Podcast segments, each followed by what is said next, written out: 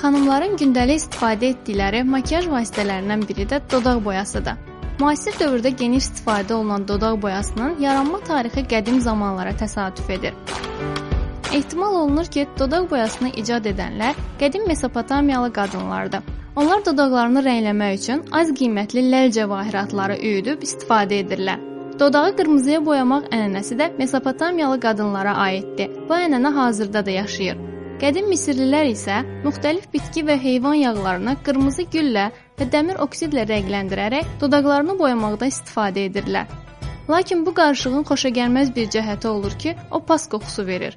Bunu aradan qaldırmaq üçün sonralar qarışığa təbii vasitələr əlavə olunur. Misir kraliçası Kleopatra isə qırmızı rəng verən böcəkləri və qarışqaları əzir, onlardan qırmızı rəngin müxtəlif çalarlarında dodaq boyası hazırlayır.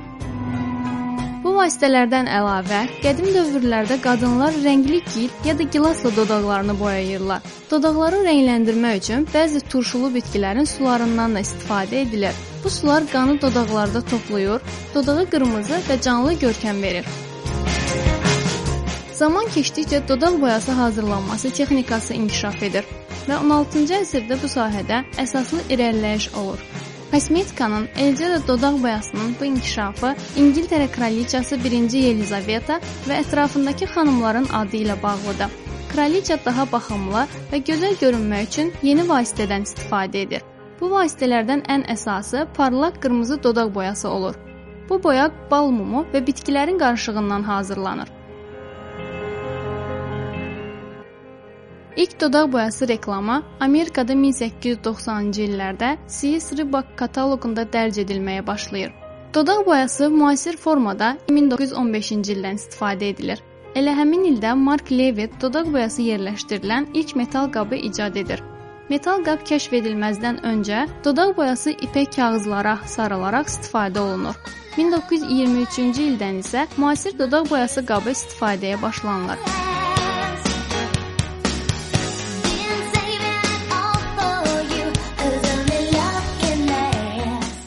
1930-cu illərdə dodaq boyası satışında reklam böyük rol oynamağa başlayır. Amerika əsilli kimyaçı Hazel Bishop dağılmayan dodaq boyası hazırlamağa nail olur. Onun hazırladığı dodaq boyası bütün gün dodaqda qalır və yayılmır.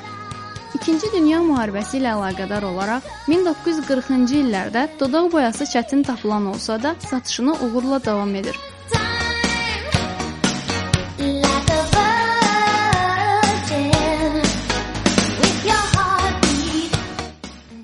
1940-cı illərin sonlarına doğru artıq Amerikalı qadınların 90% dodaq boyasından istifadə edir. Kino sənayesinin inkişafı ilə dodaq boyasının məşhurluğunun artması və makiyajın qadınlar üçün adi qəbul edilməyə başlanması 2-ci Dünya müharibəsindən sonraya təsadüf edir.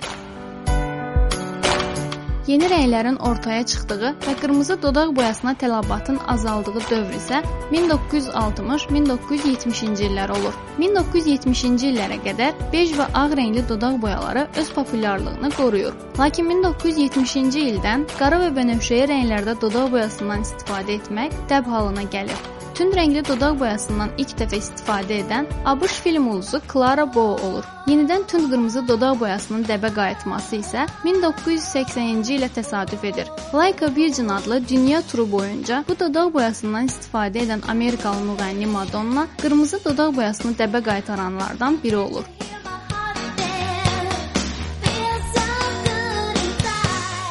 Hazırda dodaq boyası hazırlanmasında bal mumu, təbii bal mumu, Braziliya bal mumu, ozokerit şamı, lanolin şamı, ceresin şamı və digər sintetik şamlar istifadə edilir. Təkcə qadınlar deyil, əks cinsin nümayəndələrindən də dodaq boyasından istifadə edənlər var. Buna nümunə kimi bütün çıxışlarından öncə daha yaxşı görünməsi üçün dodaq boyasından istifadə edən ABŞ-ın ilk prezidenti George Washingtonu göstərmək olar.